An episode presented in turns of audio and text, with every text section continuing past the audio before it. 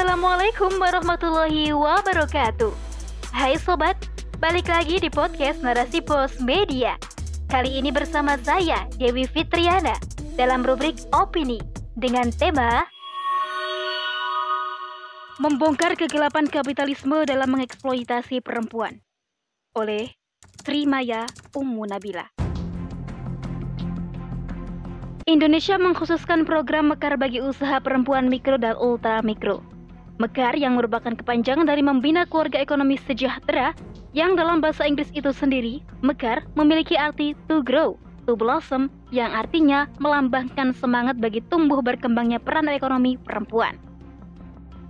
Group of 20 atau disingkat G20 merupakan kelompok yang terdiri dari beberapa negara Tujuan didirikannya yaitu untuk membahas terkait isu-isu penting ekonomi dunia.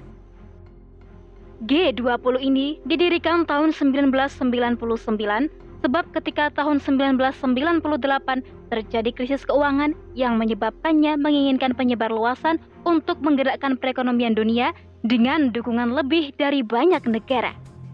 Indonesia termasuk salah satu anggota dari G20 ini. Dilansir dari fifa.co.id, ada empat negara diundang untuk hadir di acara ini. Acara tersebut diselenggarakan di Roma.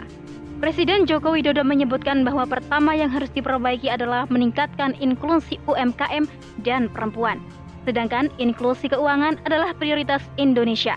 Indeks inklusif keuangan Indonesia mencapai 81 persen dan akan ditingkatkan kembali menjadi 90 persen di tahun 2024 mendatang. Tercatat Indonesia telah meluncurkan dana sebesar 1,1 miliar US dollar bagi program produktif usaha mikro. Di antaranya, 63,5 persen diterima oleh pengusaha perempuan.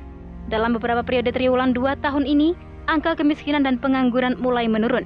Sedangkan nilai ekspor meningkat menjadi 37,7 persen.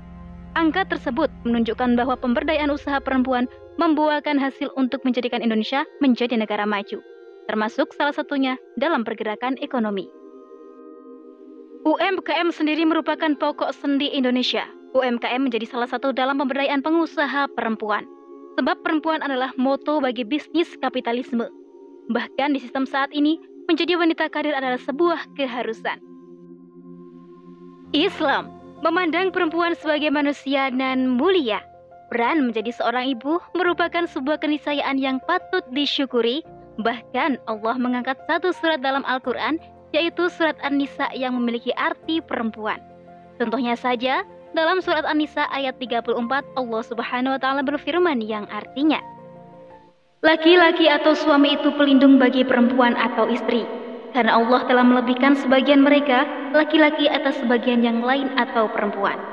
Dan karena mereka laki-laki telah memberikan nafkah dari hartanya. Maka Perempuan-perempuan yang solihah adalah mereka yang taat kepada Allah dan menjaga diri ketika suaminya tidak ada, karena Allah telah menjaga mereka. Perempuan-perempuan yang kamu khawatirkan akan nusyus, hendaklah kamu beri nasihat kepada mereka. Tinggalkanlah mereka di tempat tidur atau pisah ranjang, dan kalau perlu, pukullah mereka. Tetapi jika mereka mentaatimu, maka janganlah kamu mencari-cari alasan untuk menyusahkannya. Sungguh Allah Maha Tinggi, Maha Besar. Sobat Muslimah Narasi Pos Media, ayat di atas menunjukkan kewajiban seorang istri kepada suami dan kewajiban seorang suami kepada istrinya. Seorang suami wajib memberikan nafkah kepada istrinya. Dan apabila istri memiliki sikap nusyus yaitu tidak mentaati suami, maka suami wajib menasihatinya. Makna ayat kalau perlu pukullah mereka, yaitu pukulan yang ringan yang tidak menyakiti lahir dan batin istri. Dalam sistem khilafah Islam, perempuan tidak hanya diberikan nafkah harta, melainkan nafkah batin pun menjadi tanggung jawab suami. Nafkah untuk kebutuhan rumah tangga, nafkah tempat tinggal yang layak untuk keluarga, bahkan nafkah untuk barang pribadi istri. Di samping itu, negara wajib memberikan pekerjaan bagi laki-laki. SDA akan dikelola dengan sebaik mungkin, menempatkan kepemilikan bagi umat, pribadi umat, dan negara. Perempuan tidak wajib dalam mencari nafkah, apalagi dalam penggerak ekonomi dunia. Hanya saja, Islam memperbolehkan perempuan menjadi seorang yang bermanfaat bagi umat. Misalnya, menjadi guru, dokter, perawat, dan lain-lain. Dengan syarat tidak meninggalkan kewajiban sebagai ibu rumah tangga. Eksploitasi perempuan menjadi hal yang sangat wajar bagi sistem saat ini. Sudah saatnya umat bangkit dalam keterpurukan ini, menjadikan Islam sebagai dasar negara dalam mengatasi problematika umat dalam naungan khilafah Islamiyah. Wallahu alam bisawab. Oke deh, sampai di sini dulu. Saya Dewi Fitriana, pamit undur diri dari ruang dengar sahabat semuanya. Sampai jumpa di rubrik opini selanjutnya, tentunya di podcast Narasi Pos.